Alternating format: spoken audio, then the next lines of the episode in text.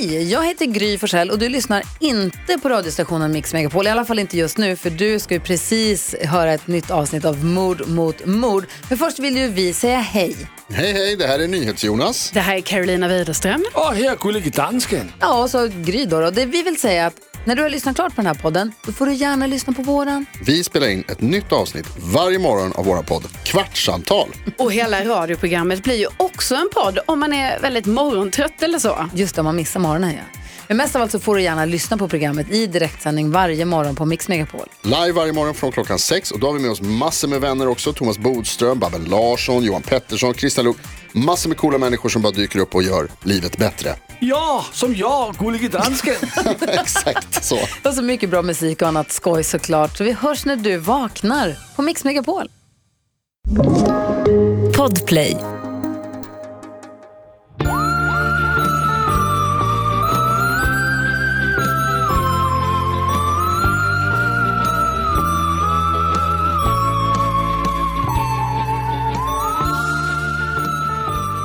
Hjärtligt välkomna hit till Lunds stadsbibliotek. Så himla roligt att det är så många som har hittat hit.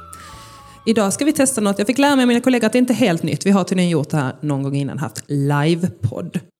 Men jag som är ett äkta fan av den här podden tycker att det är extra roligt ikväll när vi har fått hit Mord mot mord. Så nu ska vi få njuta av en timme med eh, live inte livemord, det lät fruktansvärt hemskt. Det ska vi inte njuta av. Utan livepodd om mord.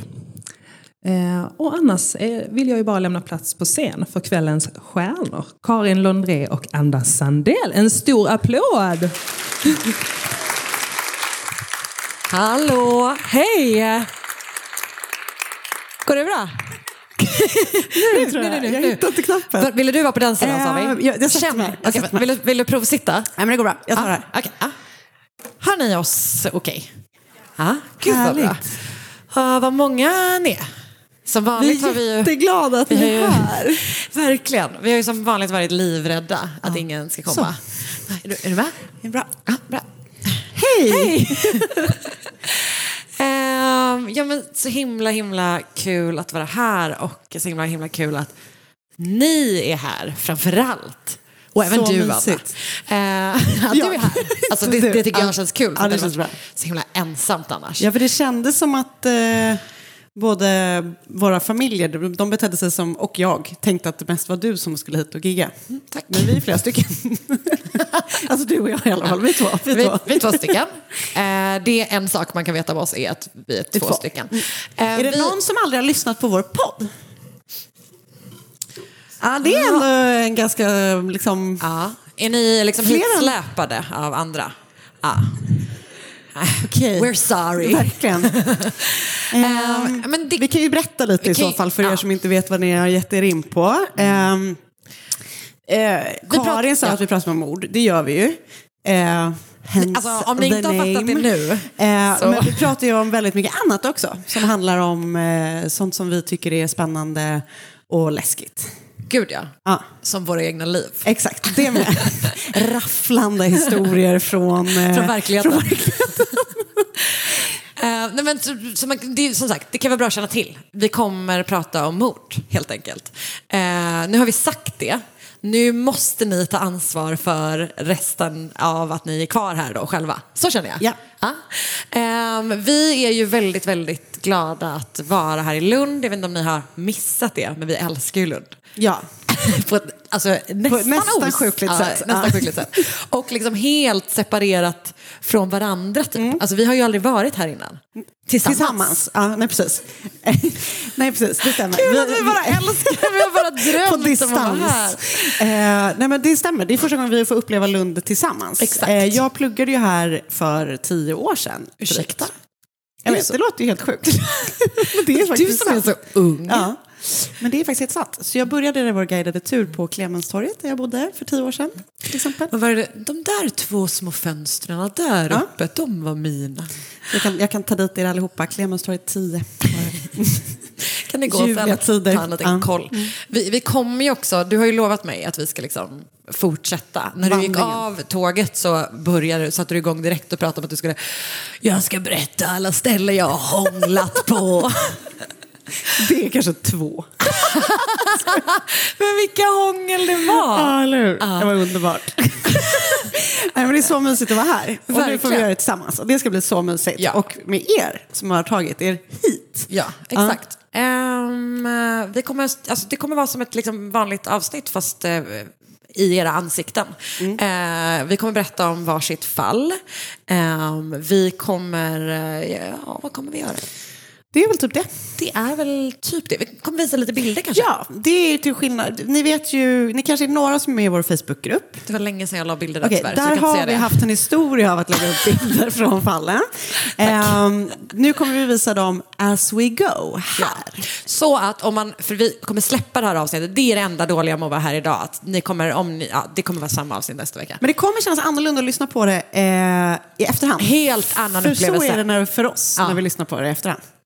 När har du någonsin lyssnat? Jag gör det ibland. Mm. Låter det bra? Ja, jag tycker ibland att vi är ganska kul. Ja, kul, kul att höra.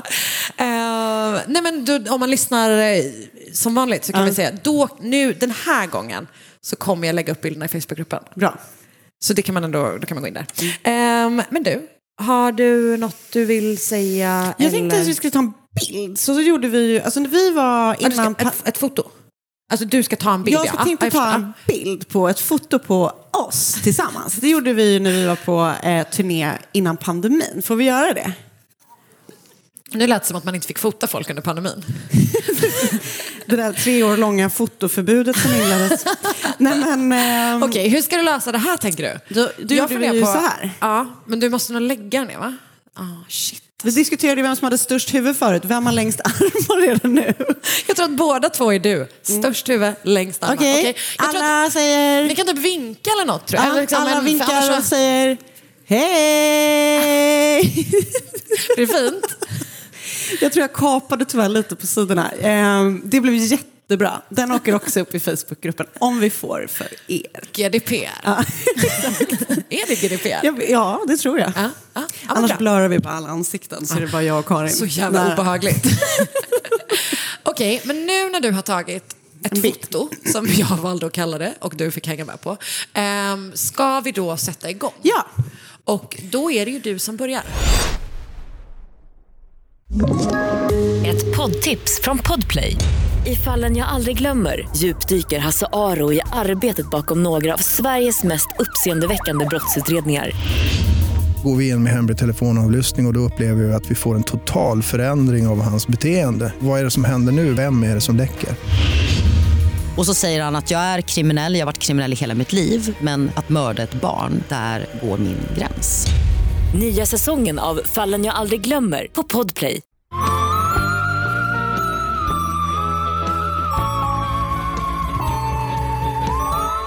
Som vanligt då när vi också är, eh, gör live så kommer vi ha, och det kanske ni hörde om ni lyssnade på förra veckans avsnitt, ni som aldrig har lyssnat får reda på det nu, brukar vi ha ett lite mer lokalt fall, det kommer Karin ta, och jag kommer ha ett helt vanligt fall. Eller liksom ett helt annat som inte utspelar sig i Sverige ens. Utan i första arrondissemanget i Paris. Paris! Mm. Älskade Paris. Där ligger ju då ett av världens mest kända konstmuseer, Louvren. Eh, Louvren, jag kör lite historiebakgrund, har varit ett museum sedan 1793 och där kan man se all konst som den franska staten har förskanskat sig genom franska revolutionen, Napoleons krig och eh, på upptäcktsresor, eller vad man vill kalla det.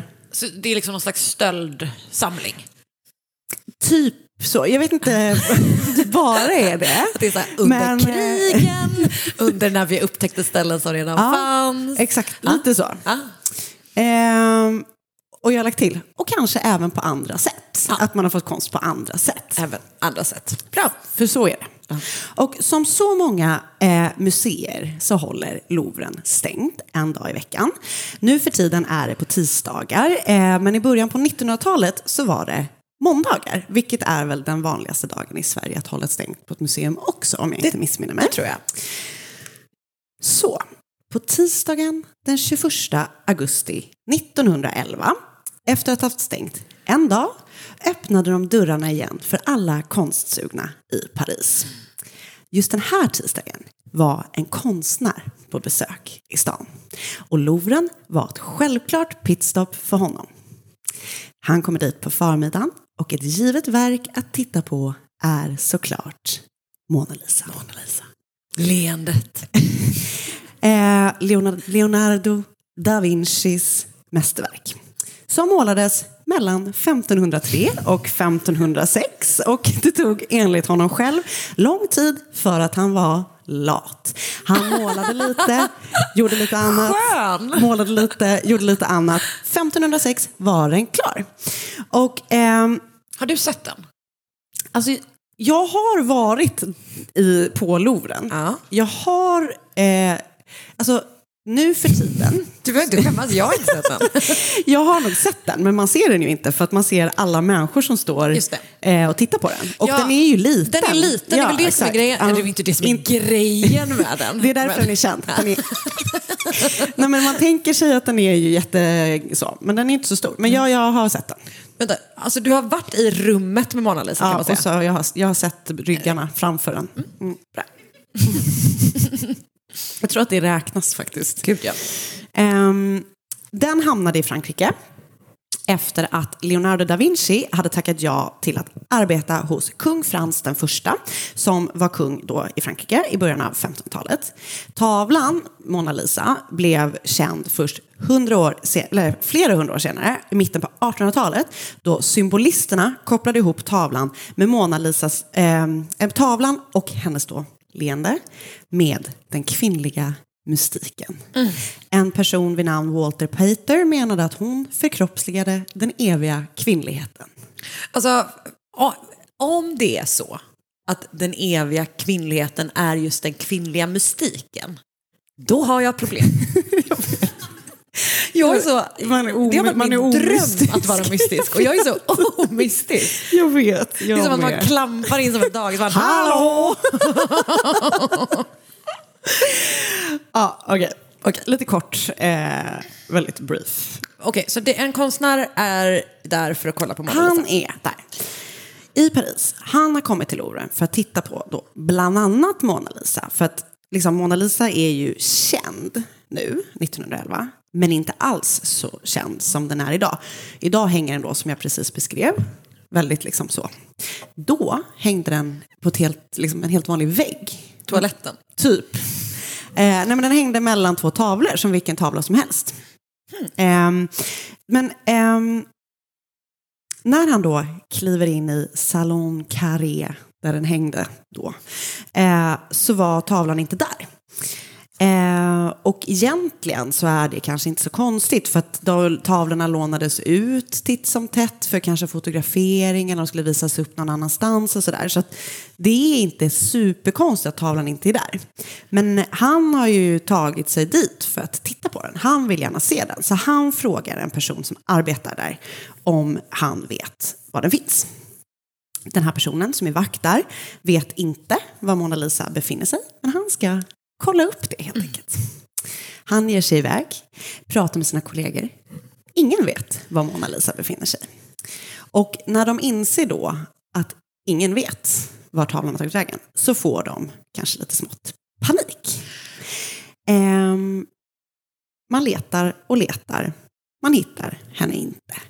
Och man kan helt enkelt konstatera att Mona Lisa har försvunnit från museet och ingen vet vem som har tagit henne, när hon har försvunnit eller hur det har skett. Oj, så att, alltså, på något sätt kan jag tänka att om man begår en sån kupp, alltså att nå- man stjäl en tavla, lite uppmärksamhet vill man ju ändå ha. Jag tänker också att om de inte ens märker att den är borta, då hade jag nog känt så här, har jag tagit Tog jag fel rätt tavla? Ja. Exakt. Exakt Eh, jag förstår verkligen vad du menar. Jag, jag förstår verkligen vad du menar. Um, men den här informationen då, att Mona Lisa är borta, sprider sig som en löpeld och alla runt om i Frankrike blir väldigt upprörda. Louvren stänger ner i en vecka. Polisen söker igenom hela museet efter misstänk- misstänkta fingeravtryck eller tecken på vem som kan ha tagit henne. De förhör alla som arbetar där, eller alla potentiella vittnen, eller du vet, någon som vet någonting. Ingen vet någonting. Eh, de skapar så checkpoints runt om Louvren eh, där de går igenom folks bilar. De visiterar folk på gatan. Allt för att se då om de kan liksom hitta någonting. Fortfarande ingenting. Så har man tavlan då, så nerkörd i byxorna. Bara, men vad fan? Vad är det här? nej, nej. Um, jag hittar ingenting. En vecka passerar och polisen gör då inga framsteg. Till slut så tvingas de öppna upp museet igen. Nej men gud, jag har glömt visa bilder. Vi har ju bilder. Uh, för nu kommer jag på att det är en bild som är Louvren. Det är så roligt. att det bara Eh, pyramiden utanför Louvren byggdes 1989. Mm. Ja.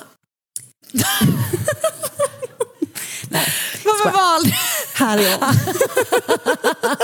Det där är ett toppenskämt. Eller hur? Ehm, här är hon. Den, kv- ehm, eviga kvinnligheten. kvinnligheten. Vad är... ah, det här är, det, en tom plats. Här är hon borta. Här hängde Mona Lisa. Och nu är hon borta. Det är en så bra och dålig bild på en och samma Jag vet, eller hur? Men den säger Ja, jag den gillar den säger jättemycket. Ja, verkligen. Ja. ehm. Ja. Eh, vad var jag? jag blev så tagen att jag glömde det vi hade Men sen gjort. kom du på det och så gick det bra. En vecka passerar utan att det händer någonting. Till slut får de öppna upp museet igen utan tavlan på plats. Eh, och även om den då är borta så har stölden fått så sjukt mycket uppmärksamhet så att även utan Mona Lisa på, på plats så kommer det dit jättemycket folk bara för att titta på den tomma väggen. så även de tycker att det här har någonting. Ehm, och tiden går. Polisen får fortsätta, det är inga spår. De, eh, tavlan dyker inte upp. Nyheten sprider sig över hela världen. Och eh, överallt är då folk nyfikna på att få reda på vad som har hänt.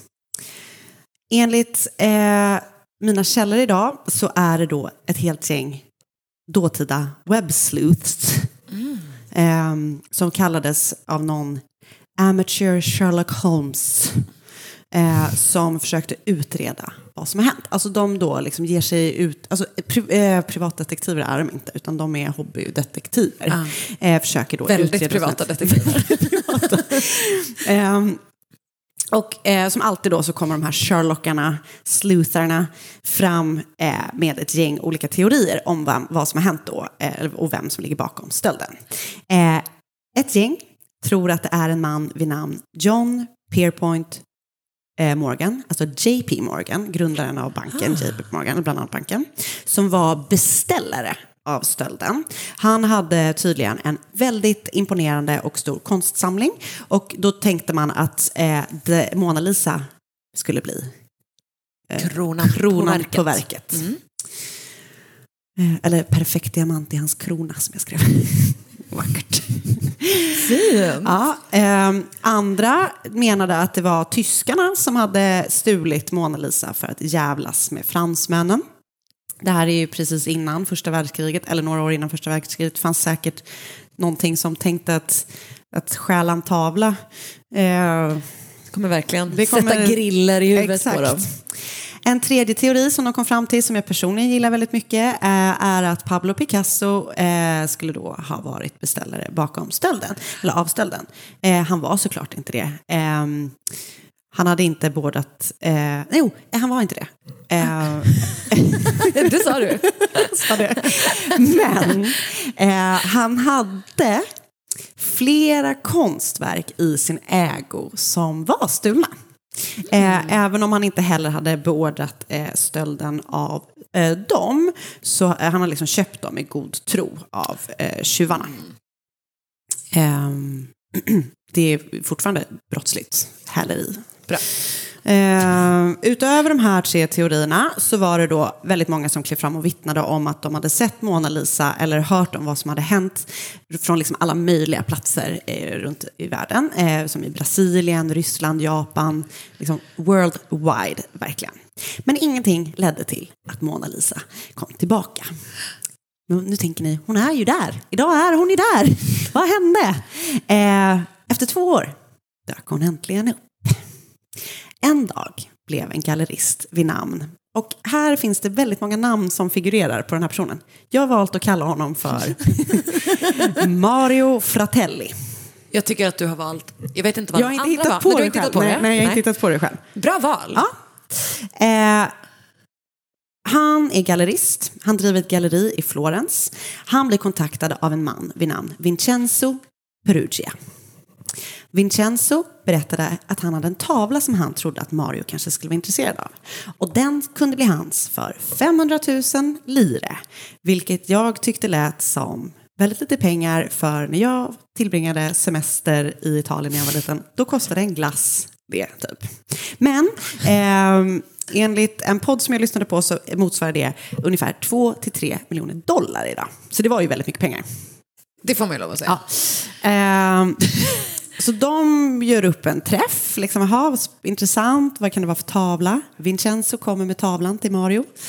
Ehm, och Mario kallar i sin tur genast på eh, Giovanni Poggi som drev Uffizi Gallery Ah, som är ett av Italiens mest liksom, kända och mest besökta konstmuseum.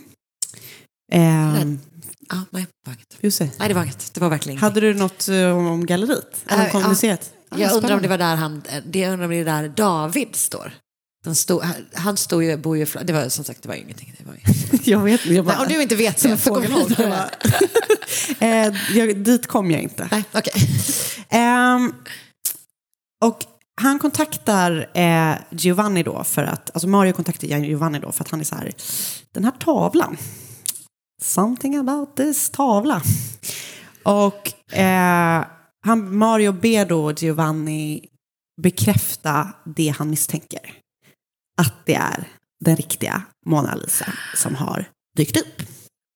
Och mycket riktigt, det är det. Men de liksom spelar typ med och är så här, affären blir av fast imorgon. Så. De kallar på polisen och ser till att Vincenzo kan gripas och tavlan kan tas tillbaka. Och efter att tavlan då, eh, och det blir ju så här, jag vet inte hur dramatiskt det är. Han grips. Eh, och efter att tavlan eh, har då återfunnits så eh, visas den upp överallt i Italien. Den liksom på utställningar, den visas upp, liksom som här, här är bara, den. eh, hallå? ja, exakt. Men den lämnas tillbaka till Louvren i början på 1914. Och eh, när den väl är tillbaka på Louvren så är den ju mer känd än någonsin. Och idag är det väl, eh, om inte det mest kända konstverket, så är det typ någon slags topp 10-lista i alla fall. Och I det världen, är också då till stor del på grund av att den försvann, typ, eller? Ja, det hävdas ju i alla Ja. fall när man läser om det här fallet att här, den här stölden gjorde liksom att den fick sån spridning. Det var ju alla tidningar, Ja. de satte upp posters, det var ju liksom hur mycket som helst kring det här. Ehm, Mr Bean gjorde sin cover. det är någon, vad är det för tavla? Kommer du ihåg den här filmen när han åker till LA? Nej. Med Billy Crystal. Nej. Ingen som har sett? Det var någon som läxade upp handen och sen tog ner den jättesnabbt. Kom på, det här är inget jag ska skryta med. Jag såg den på bio. Ehm, Vincenzo ställdes då inför rätta såklart för stölden och nu ska jag berätta vad han berättade när han då greps och åtalades. Eh, kolon börjar nu. Det var nämligen så här att Louvren hade i början på 1910-talet fått uppleva en hel del sabotage av olika slag och bestämt sig då för att beställa eh, skydd till eh, en del värdefulla tavlor som de hade hos sig. Vincenzo arbetade på ett företag som gjorde olika saker i glas, bland annat då skydds... Eh, glas. Glas. Just det. Exakt. Ehm, och det var då Vincenzos företag eh, där, där han arbetade som anlitades av Louvren för att eh, tillverka det här fattar ju ni, men jag, jag tar den då. Så för att tillverka skyddsglasset till då bland annat Mona Lisa. Han berättade att han hade tillbringat så mycket tid på Louvren när de gjorde då skyddet till all, liksom flera olika tavlor och att han någon gång under ett arbetspass bestämt sig för den där, den ska jag stjäla. Gud. Bara rakt upp och ner. Ja. Ehm, Han hade då den här måndagen, eh, då det var stängt för besökare, tagit sig in på Louvren eh, med andra museiarbetare. Eh, iklädd, alla hade typ så någon slags vit rock. Jag tänker att det är som en... Eh, som en läkarrock typ? Typ. Ja. Hade han på sig. Eh, så, och jag tänker att kanske folk känner igen honom. Han har ju varit där jättemycket. Så att han liksom bara gled in där när det var stängt. Hallå, hallå. Eh, och väl inne där på Louvren då så gick han rakt in på Salon Carré och plockade ner tavlan från väggen. Han tar med sig den, lyfter in den i ett trapphus som är för anställda så här bakom. Och väl där då så skruvar han bort skyddsglaset. Av med vita rocken, slår in eh, tavlan i den vita rocken och sen ska han då ta sig ut ur museet. Han har spanat på en dörr. När han kommer till dörren så är den låst och han har ingen nyckel. Så han kommer liksom inte ut. Stressad börjar han försöka plocka isär eh, dörrhandtaget. Och då, vips, kommer en vaktmästare. Och han kanske får panik, tänker jag. Det hade man ju själv fått. Eh, men han hejar glatt. Vaktmästarna säger, jag hjälper dig. Låt mig öppna dörren åt dig. Hej då! Släpper ut honom på gatan. Helt sjukt. Stress. Ja. Eh, så han bara liksom tar, alltså verkligen bara plockar den och går. Efter det så tar han med sig eh, tavlan hem till sin lägenhet i Paris. Där han förvarar den i en eh, trunk. Alltså tänker som en eh, väska. Eller en jag vill säga kista, men det klingar så fel. En eh, koffert som har en fejkbotten. Så han, eh, det är en lönnkoffert. Ah, så, som, så som när de typ så eh, smugglar någonting i den här gränsbevakarna ja. Australien? Ja. Ah, jag fattar exakt. Fast istället för ormar ja. är det tavlan. eh, så att han har den i, i sin lägenhet i två år. Eh, och ehm, han blir förhörd, de är hemma hos honom, de liksom gör, polisen, de, han är där. Ah. Liksom, de har, eller han är där såklart. Hon är där. Hon Mona är Lisa. där. Hon ja. är där. De har honom. eh, men han... Eh, han bara kommer undan. Han bara kommer undan. Det sägs att han liksom plockade fram henne då och då hemma. Det sägs också att han hade henne som bord ibland för att Mona Lisa är målad på trä och inte på en duk. Så det sägs att han la ut henne, la en duk på och sen åt middag. Vet inte om det är sant, men jag tycker ändå att jag det är det. starka scener. Till slut då bestämmer han sig för att han måste lämna ifrån sig slash sälja Mona Lisa. Har du glömt att visa bilder? Uh, ja, jag har glömt att visa en bild på honom, tack Karin. Här är han. Vincenzo. Ja, oh, han ser exakt ut som man vill att en konsttjuv ska eller? se ut, eller? Fy fan vilken bra konsttjuvstil. Nu chansar jag. Jag tror att det här är när hon är återfunnen. Ah, titta. Här är de. Kolla vad glada de är. Alltså det är så de... kul den looken de har. Alltså, man undrar ju om de som har de högsta, alltså de mm. höghattarna är eh, mer liksom... Om de är hö högre hög, status. Exakt. Men också har de inte... Det sitter helt... i hatten. Ja, det gör det verkligen. Men också är det inte slående vilka glansiga hattar de har framförallt. Jo. Man pratar sällan om det, man pratar om hur höga de är, men glansen. just glansen är ju också väldigt talande. Varsågod och fortsätt. Tack, eh, och tack för påminnelsen. eh, vad var jag? Han åker då till sitt hemland Italien och till Florens där han kontaktar Mario och sen då åker han så småningom fast. Han säger själv att motivet till eh, att han stal den här tavlan, Mona Lisa, var att han sett henne dag in och dag ut när han höll på att bygga de här säkerhetsglaset. Och att han känt en sån otrolig nationalistisk stolthet när han såg den. Och att han kände att han verkligen, verkligen ville ta tillbaka den till Italien. Vad sa jag? Till tavlans hemland. Vad sa jag?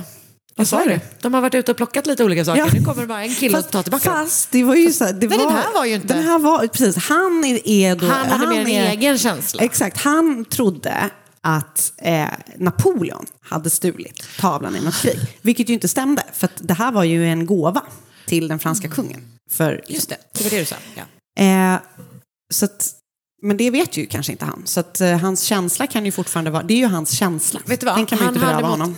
Det är verkligen sant. Och han hade mått väldigt bra av att få din dragning här i början. Eller hur? Det hade varit väldigt bra ja. för Ehm, trots det här då så var det ändå många, eh, jag vet inte många, men det sägs att han hyllades som en hjälte i Italien för stölden. För att han hade gjort ett försök. Eh, motivet då har ju, eller det här motivet har ju då ifrågasatts eftersom han efter att ha haft den hos sig i två år försökte sälja tavlan. Och hade det varit så att den liksom riktiga förklaringen verkligen var att han tyckte att den tillhörde Italien så hade han väl kanske skänkt den, tänkte man då. Han kanske inte till, tyckte att den tillhörde Italien riktigt så mycket. Nej, han har också skrivit brev till sin pappa där det är så här, snart kommer jag bli Ah, stenrik. Ja. Ehm, han döms då för stölden till ett år och 15 dagar i fängelset. Eh, Men jag tänkte, det blir ju 380 dagar. Det känns ju ändå jämnt och fint. Så jag kanske skulle sagt det så istället för ett. Nej. Nej, det var bra. Det var bra. Han satt dock endast sju månader av de här och när han släpptes fri igen så fick han rycka in genast i första världskriget eh, för Italien. Eh, och eh, där i kriget tillfångatogs han i eh, Österrike-Ungern eh, och där hölls han fången som en krigsfånge i två år. Han, eh, efter det så släpptes han fri. Han återvände så småningom till Paris där han gifte sig och fick en dotter. Han sysselsatte sig som dekorationsmålare, alltså någon typ av eh, så, vilket i sig tycker jag bara, det känns, det känns Han spännande. började måla lite själv. Ja. Han avled i Paris endast 44 år gammal 1925. Men det blev ingen eller väldigt, väldigt liten uppmärksamhet kring hans död eftersom han efter sin återkomst till Paris gick under namnet Pietro Perugia. Uff. Och det var stölden av Mona Lisa 1911. Bra. Jag applåderar dig. Tack. Alltså, är inte just det där som hände är väl ändå det som är det, liksom det sämsta med att stjäla konst, att vara konsttjuv. Som är så här, ah, nu har jag tagit den här som jag tycker jättemycket om. Kan ska- inte göra någonting Kan inte göra det. Någonting. Va? Nu kommer den ligga i den här kofferten först i två år och sen gör jag ett misslyckat försök att sälja den. Mm. Nej, jag vet. Det är otroligt eh, speciellt. Så om ni funderade på en Stjäl karriär... något annat. Så, stjäl något annat. Stjäl ingenting alls. Men framförallt inte. Inte konst. ja, men det är liksom en Nej, det är sån... speciellt. Ja, det känns... eh, Jag tror, att det, jag tror, nu vet jag inte hur konstintresserad Vincenzo egentligen var, men jag tror att de som beställer Mm. eh, stulen konst, det här är, Du, Nu, vänta, är det här din känsla? Ja. jag tror att de gör det för att det är deras känsla av att äga någonting som är så uppskattat, känt. makt, Ja, jag tror det. Det tror jag. Då vet ni. Ja, nej men tack för mig då. Tack snälla. Ett poddtips från Podplay. I podden Något Kaiko garanterar östgötarna Brutti och jag, Davva, dig en stor dos skratt. Där följer jag pladask för köttätandet igen. Man är lite som en jävla vampyr. Man har fått lite blodsmak och då måste man ha mer. Udda spaningar, fängslande anekdoter och en och annan arg rant. Jag måste ha mitt kaffe på morgonen för annars är jag ingen trevlig människa. Då är du ingen trevlig människa, punkt. Något Kaiko, hör du på Podplay. Därför är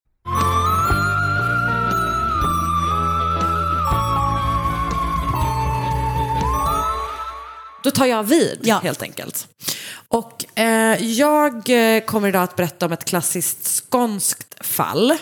Eh, jag ber om ursäkt för att det, det kommer alltså inte vara ett lundensiskt fall. Jag har redan gjort det här mordet i eh, Locus Peccatorum, heter det va? Eh, Hur många är, hur många är ursprungslundabor och hur många är... En. Ja, det var Två. några stycken. Nej, men jag, jag gjorde i alla fall det här eh, fallet där en, en student mördar en annan student eh, och eh, Lunds universitet avrättar honom. Det är märkligt. Eh, men eh, det har jag redan gjort, så det kan jag inte göra igen. Och det är, liksom, det är verkligen Lunds bidrag till Ja. kriminalhistorien lite grann så. Så att, jag, det kommer bli skånskt, helt enkelt. um, och det, liksom, um, det utspelar sig på ett gäng olika platser utanför Lund. De flesta liksom åt Sjöbohållet typ kan man säga. Eh, för där föds då Martin Svensson 1874 i just Sjöbo. Närmare bestämt i Sövde, vilket bara låter som att man säger Skövde med missuppfattning. Typ. Missade Ja, exakt. Ehm, han växer i alla fall upp och lär sig mjölnaryrket. Han gör en runda i militären, sen tillbaka till mjölet och kvarnen. Och 1898 så gifter han sig med en kvinna som heter Maria Andersson. Paret får, eh, de har två barn som liksom lever och blir vuxna. Det verkar som att de kanske också förlorar två barn. Det är lite olika i källorna. Men hur som helst, 1899 så föds Selma som Maria då är gravid med när de gifter sig. Ehm, och 1910, så det är ganska långt emellan, så föds sonen Emil. Just det. Jag kan Eh, sköta det. Ah, bra. Jag gjorde det Tryck. så bra sist. Ah, Men jag har skrivit in. Ah, här är Martin, Martin Svensson. Tycker du? Ja, han ser ut som någon man känner på något vis. Jag vet inte vem. Vem? jag vet inte. Kanske någon jag jobbar med. Jag vet inte. an- om det är någon du känner så tror jag att det är någon du Ja. gör. Alltså, jag tror att... Ja. Honom, ja. är din, din vän Martin. Min kollega. Nej, inte, inte din kollega. Nej, ja, det här har ingenting med dina kollegor att göra. Okej. ehm, när hans son Emil föddes så hade Martin redan slagit in på brottets bana. Delvis höll han på väldigt mycket med olika typer av liksom, svart sprit. Han brände hemma, han typ köpte och sålde smuggelsprit och sådär. Han höll på. Han bara höll på med sprit. Eh, Men inte nog med det. Han var redan då mördare. För 1902 hade familjen bosatt sig i Vannarp, eh, typ en halvtimme härifrån, tror jag. Eh, där de har blivit då kvarnägare. Och Martin var som sagt mjölnare, men han var en väldigt dålig mjölnare kan man säga. Du undrade hur man är det? Nej, Jag skulle säga ett tråkigt skämt som jag inte var så kul. Så jag håller det för mig själv. Men ni kan här kanske vissa. Vi kanske ska fråga Anna om det sen. Hon drar nog det gärna efteråt. Mer Hur är man en a då- mano. Hur är man en dålig mjölnare, Karin? Eh, men han försöker liksom öka på sin intäkt så han, han liksom drygar ut. Och det sätt han gör det med är att han blandar in liksom sand. Oh, gott! Och det känns så himla... Eller det känns ju som man blir påkommen med snabbt. Att det är så här. Oskar ser nu i hans bak... Eh, Vad vad sa du nu? Oskar nu när han bakar så mycket. Ah, ah. Han bakar ett bröd som Så ser Oskar och hans bak. Bara. Den är topp! det var bara ett skryt. Eh, nej, men jag tänkte på det för att han gör ett... Eh, Ja, han är inne på... Han har börjat baka. din bak, kille, han ja. bakar jättemycket. Ehm, vi har inte pratat om det i podden, så att, eh, det var ju jättekonstigt att ta upp det nu. Ehm, Det har vi säkert gjort. Han gör bakat ett bröd som ser ut som murbruk. Jag tänker att det ser, alltså degen ser ut som det. Det kanske Han är hade, mjöl uppskattat, härifrån. Ja. han hade Mm. verkligen uppskattat Martins eh, mjöl, men det gjorde dock inte kunderna. Eh, han var ganska illa omtyckt. Eh, han var nog ganska obehaglig typ redan vid den här tiden. Mm. Eh, men det var ju också då att man fick sand istället för mjöl som var ett problem. Så han började, eh, rättvist nog ändå, förlora kunder. Och ehm, han försökte behålla sina kunder genom att bjuda dem på sprit. Vilket jag tycker har något. Eh, men det funkade inte så bra. Då vet man att det är riktigt dåligt mjöl. När folk bara, nej tack, jag Trots går att jag ändå. är aspackad och vill inte äta det här knastret. Ehm, så utöver då att Martin hade de här liksom tillkortakommandena så hade han också problemet att det, liksom, grannen också var en kvarn. Och den mannen som hade den kvarnen var liksom en alldeles underbar och hederlig mjölnare. Ehm, Den här mannen hette Bengt Larsson och han eh, blandade aldrig ut mjölet med sand. Så det var ju eh, en aspekt av det. Men han var också väldigt omtyckt. Alltså folk gillade honom god jättemycket. grabb. Men han var liksom, ja, han var typ en, en bra man typ. Eh, och han fick då liksom allt mer av Martins kundkrets. Och det här gjorde Martin rasande. Eh, och det är ju tyvärr så att det skulle snart visa sig att Martin var en, liksom, en riktig galning, tyvärr. Mm. Så han började liksom hata den här omtyckta och framgångsrika grannen. Och den första oktober 1902 står Martin utanför Bengts hus och väntar på att Bengt ska gå på kvällspasset på kvarnen. Ehm, och när han väl kommer ut så attackerar då Martin Bengt med en liksom, skruvmejsel. Eh, och sen så släpper han in honom i kvarnen och s- liksom binder upp honom i någon, det finns någon slags repanordning som gör så man kan hissa upp saker i kvarnen. Säckarna, Ja, mjölsäckarna. exakt, precis. Eh. Ehm, och han sätter liksom fast honom i den och sen hissar han upp honom i, i taket. Och sen så tänder han på. Så att han liksom gör en liten hög med lite olika saker och sätter eld på kvarnen. Då. Och eh, kvarnen brinner liksom ner till grunden med, eh, med Bengt i den. Liksom. Och misstankarna vänds eh, snabbt mot Martin. Folk tycker att så här, han, den här personen ska vi kolla närmare på. Ehm, det, han ska liksom, det finns vittnesmål som säger att han hjälpte till med, med liksom släckningsarbetet men att han typ bet- betedde sig lite konstigt under den tiden och sådär. Ehm, men så att polisen liksom börjar utreda honom. Eh, de förhör honom i flera dagar. Han liksom förnekar allt väldigt, väldigt envist. Och Maria, hans fru, ger honom också alibi. Så till slut då så släpps han. Ehm, och ingen kommer att dömas för Bengt och den här Bengts mord och den här liksom mordbranden. Ehm, sen går tiden och 1918 så dör Maria i spanska sjukan. Vilket tyvärr är ett så trevligt namn på en så hemsk sjuka. Det låter, liksom, det låter som att man har fått dansfeber på något sätt. Eh, Det var ju verkligen jätte, jätte, jätte, Ja. jättehemskt. Eh, Ja. Förstår du vad jag menar? Ja, jag förstår faktiskt vad du är så här, menar. spanska, hon har fått spanska sjukan. Det låter som att man har flyttat till Solkusten. Eller att det är en könssjukdom. Eller det. Det är en könssjukdom man har fått på Solkusten. Ehm, Okej, så hur som helst. Eh, eh, äldsta dottern Selma, hon var ju som sagt ganska mycket äldre än, än deras eh, son Emil. Så att hon har flyttat ut, och liksom lämnat föräldrahemmet och gift sig med en snubbe som heter Oskar. Väldigt bra bak. Eh, och de bosatt sig i hans hemstad Staffanstorp. Staffanstorp. Staffan... Staffanstorp. Ehm, Sa ja, du Staffanstorp? Jag sa Staffans, Staffanstorp. exakt. Eh, Så kvar hemma är nu då Martin och eh, Emil. Eh, Emil är ju drygt åtta år när hans liksom, mamma går bort. Och han bor då med sin pappa som är eh, liksom inte en bra eh, person att bo med helt enkelt. Alltså folk i hans närhet är väldigt rädda för honom.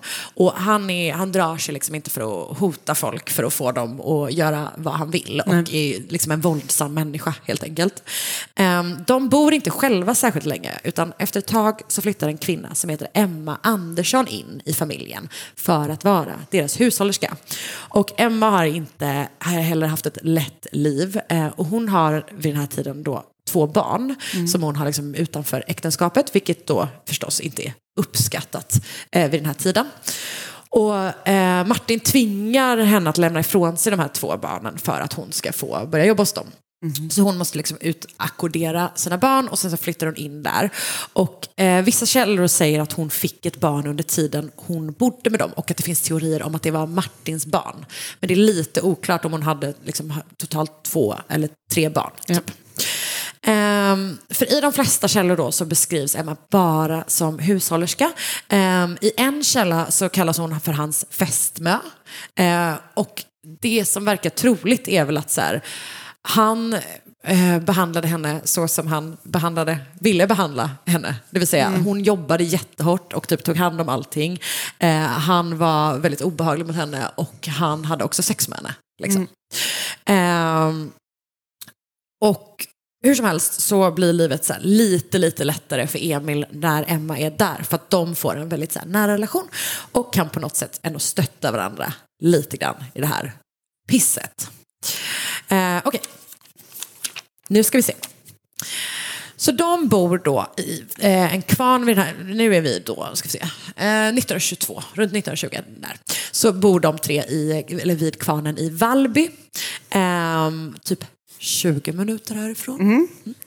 Ehm, det var knapert, det var liksom riktigt eh, knapert. Och Martin bestämde sig därför för att eh, begå ett litet försäkringsbrott, helt enkelt.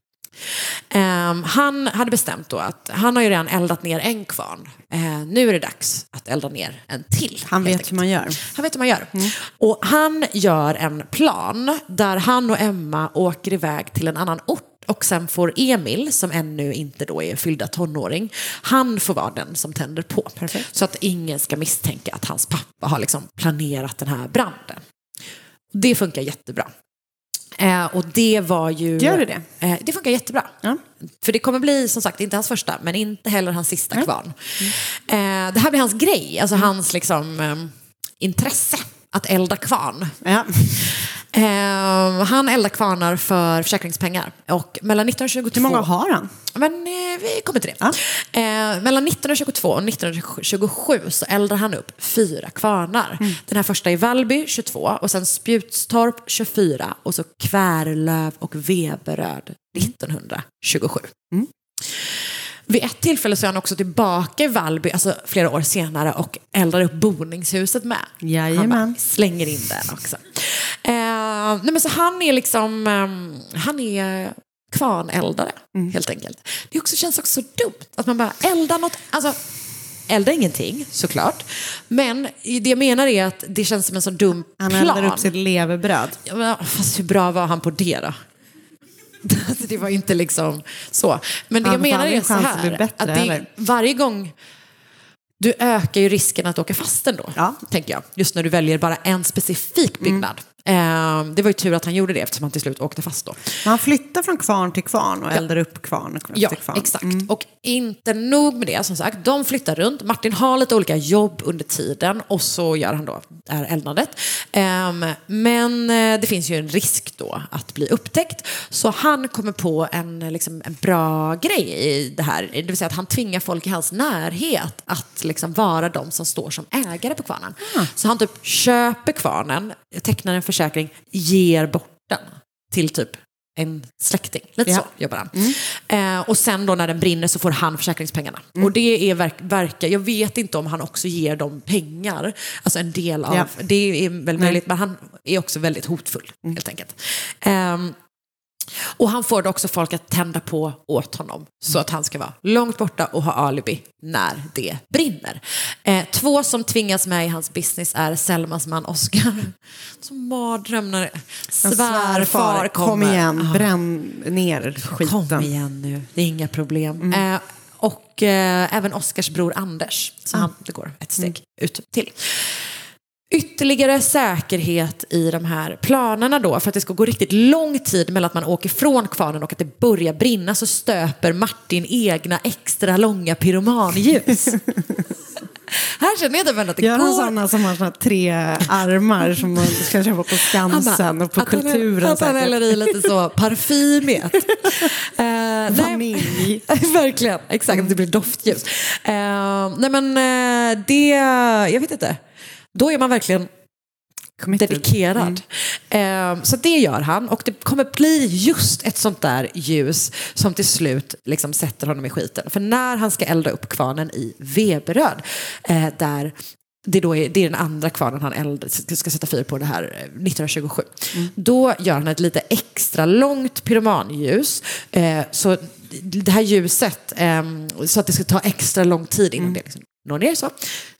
Ljuset ställs dit, någon tänder på och sen så drar Martin till Köpenhamn tillsammans med Emil, han är nu 17, och Oskars bror Anders. Som ändå verkar vara med och hänga lite. Ja. Typ. Ehm, och sen då så brinner den här kvarnen. Vet du vad, nu kan du klicka det vidare. Här har vi kvarnen i Veberöd efter eh, att han har eldat. Det är alltså bara liksom grunden kvar. Eh, och när den här kvarnen brunnit ner så hittar polisen just ett ljus som doftar gott. I. Bourbon vanilla. Pumpkin spice. Eh, nej, men de hittar ett ljus i Okej. brandresterna och är så här, hmm, det här är konstigt. Nu, nu Vem måste vi gör vidare. här ljus? Verkligen, verkligen så. Och misstankarna leder dem då till Martins hus där de bland annat då hittar ljusen. Så något special måste det varit. Eh, men de hittar också massa papper då på, eh, på att han har ägt eller liksom haft att göra med de här kvarnarna som har brunnit. Så när Emil, Martin och Anders går av färjan i Malmö så grips de av polisen. Och delvis då för misstankar om mordbrand men också för att polisen vill förhöra dem i en annan fråga. Det är nämligen så att Emma Andersson är försvunnen. Och polisen då tror att Martin kan ha något med försvinnandet att göra. Jag hittar tyvärr ingen bild på varken henne eller på Bengt. Eh, det liksom verkar vara lite klurigt. Eh, men Martin nekar till alla brott och han säger att han inte haft något med kvarnarna att göra och att Emma har följt med dem till Köpenhamn när de åkte dit. Där hon träffat sin syster och efter det så vet de liksom inte var hon tagit vägen. Typ. Han, eh, Emil kommer liksom till en början att här, styrka sin pappas berättelse eh, men efter ett tag så berättar han då sanningen. Och han säger då att hans pappa ju har lärt honom sedan han var ett litet barn att typ bränna ner de här kvarnarna.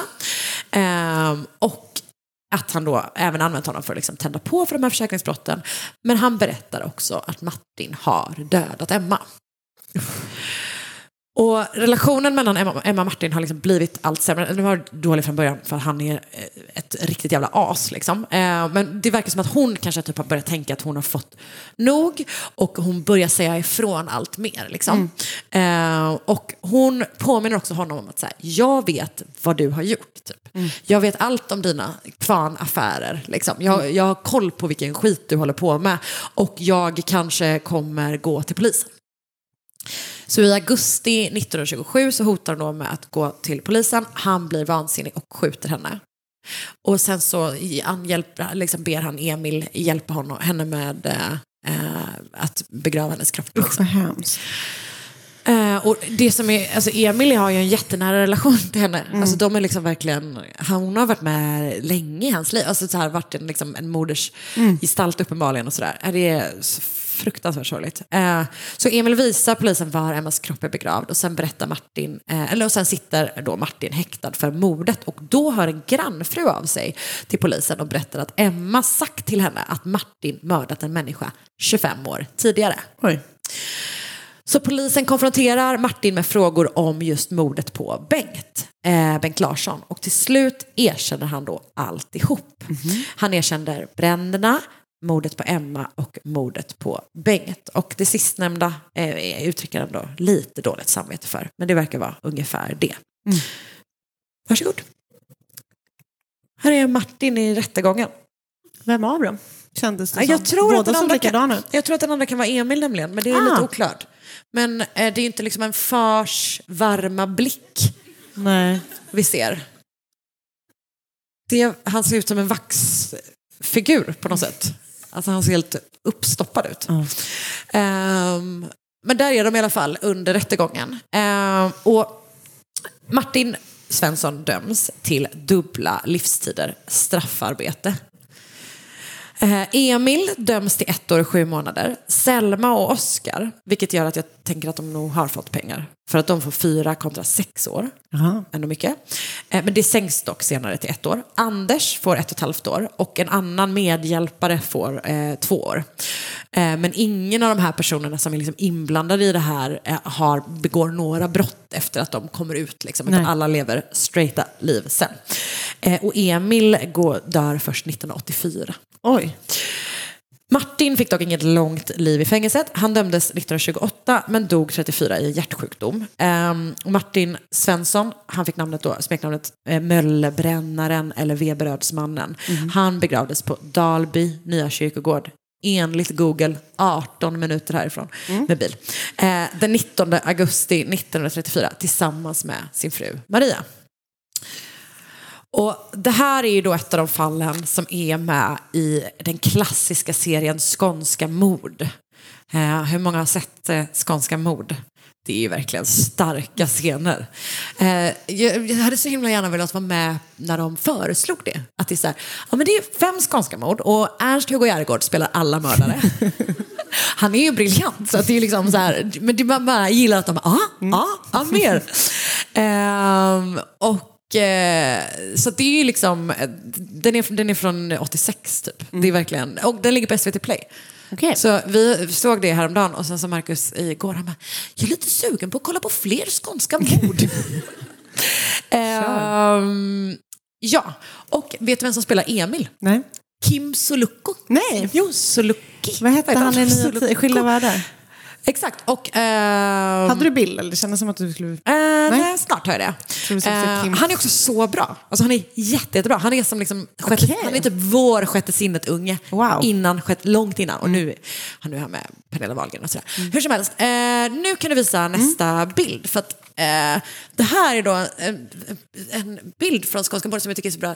Ernst-Hugo Järegård är kvarnägaren Martin Svensson. Att man bara, var det det, Var det det som han man var verkligen? var? Men du vet, du vet Martin, ja, han det, kvarnägaren. just det. Weberöds, det är mannen... Gud, kolla fina gamla SVT-loggan med. Ja. Så det var då berättelsen om uh, Veberödsmannen, morden på Bengt Larsson, Emma Andersson och uh, jag då, kvarnägaren Martin Svensson.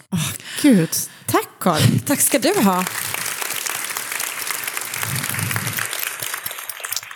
Och eh, Det var allt från oss. det var allt från oss. Det var underbart. Hoppas ni tyckte det var lika ljuvligt att vara här som vi tyckte.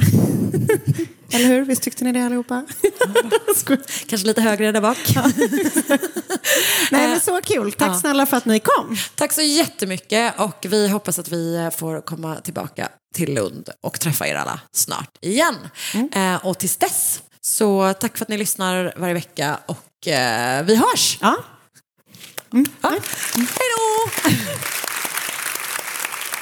Mina källor den här veckan var då alltså Skånska mord, avsnittet eh, om Veberödsmannen. Jag har läst allas.ses artikel om eh, Martin Svensson av, eh, skriven av Annette Bilov.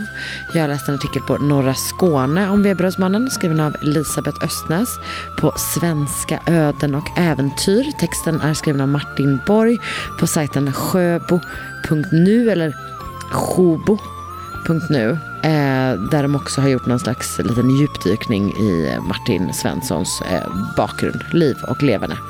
Eh, det var det. Jag har läst The Heist That Made Mona Lisa Famous skriven av Evan Andrews på history.com. Jag har lyssnat på podden Have You Ever Heard Of och det avsnittet heter Vincenzo Perugia.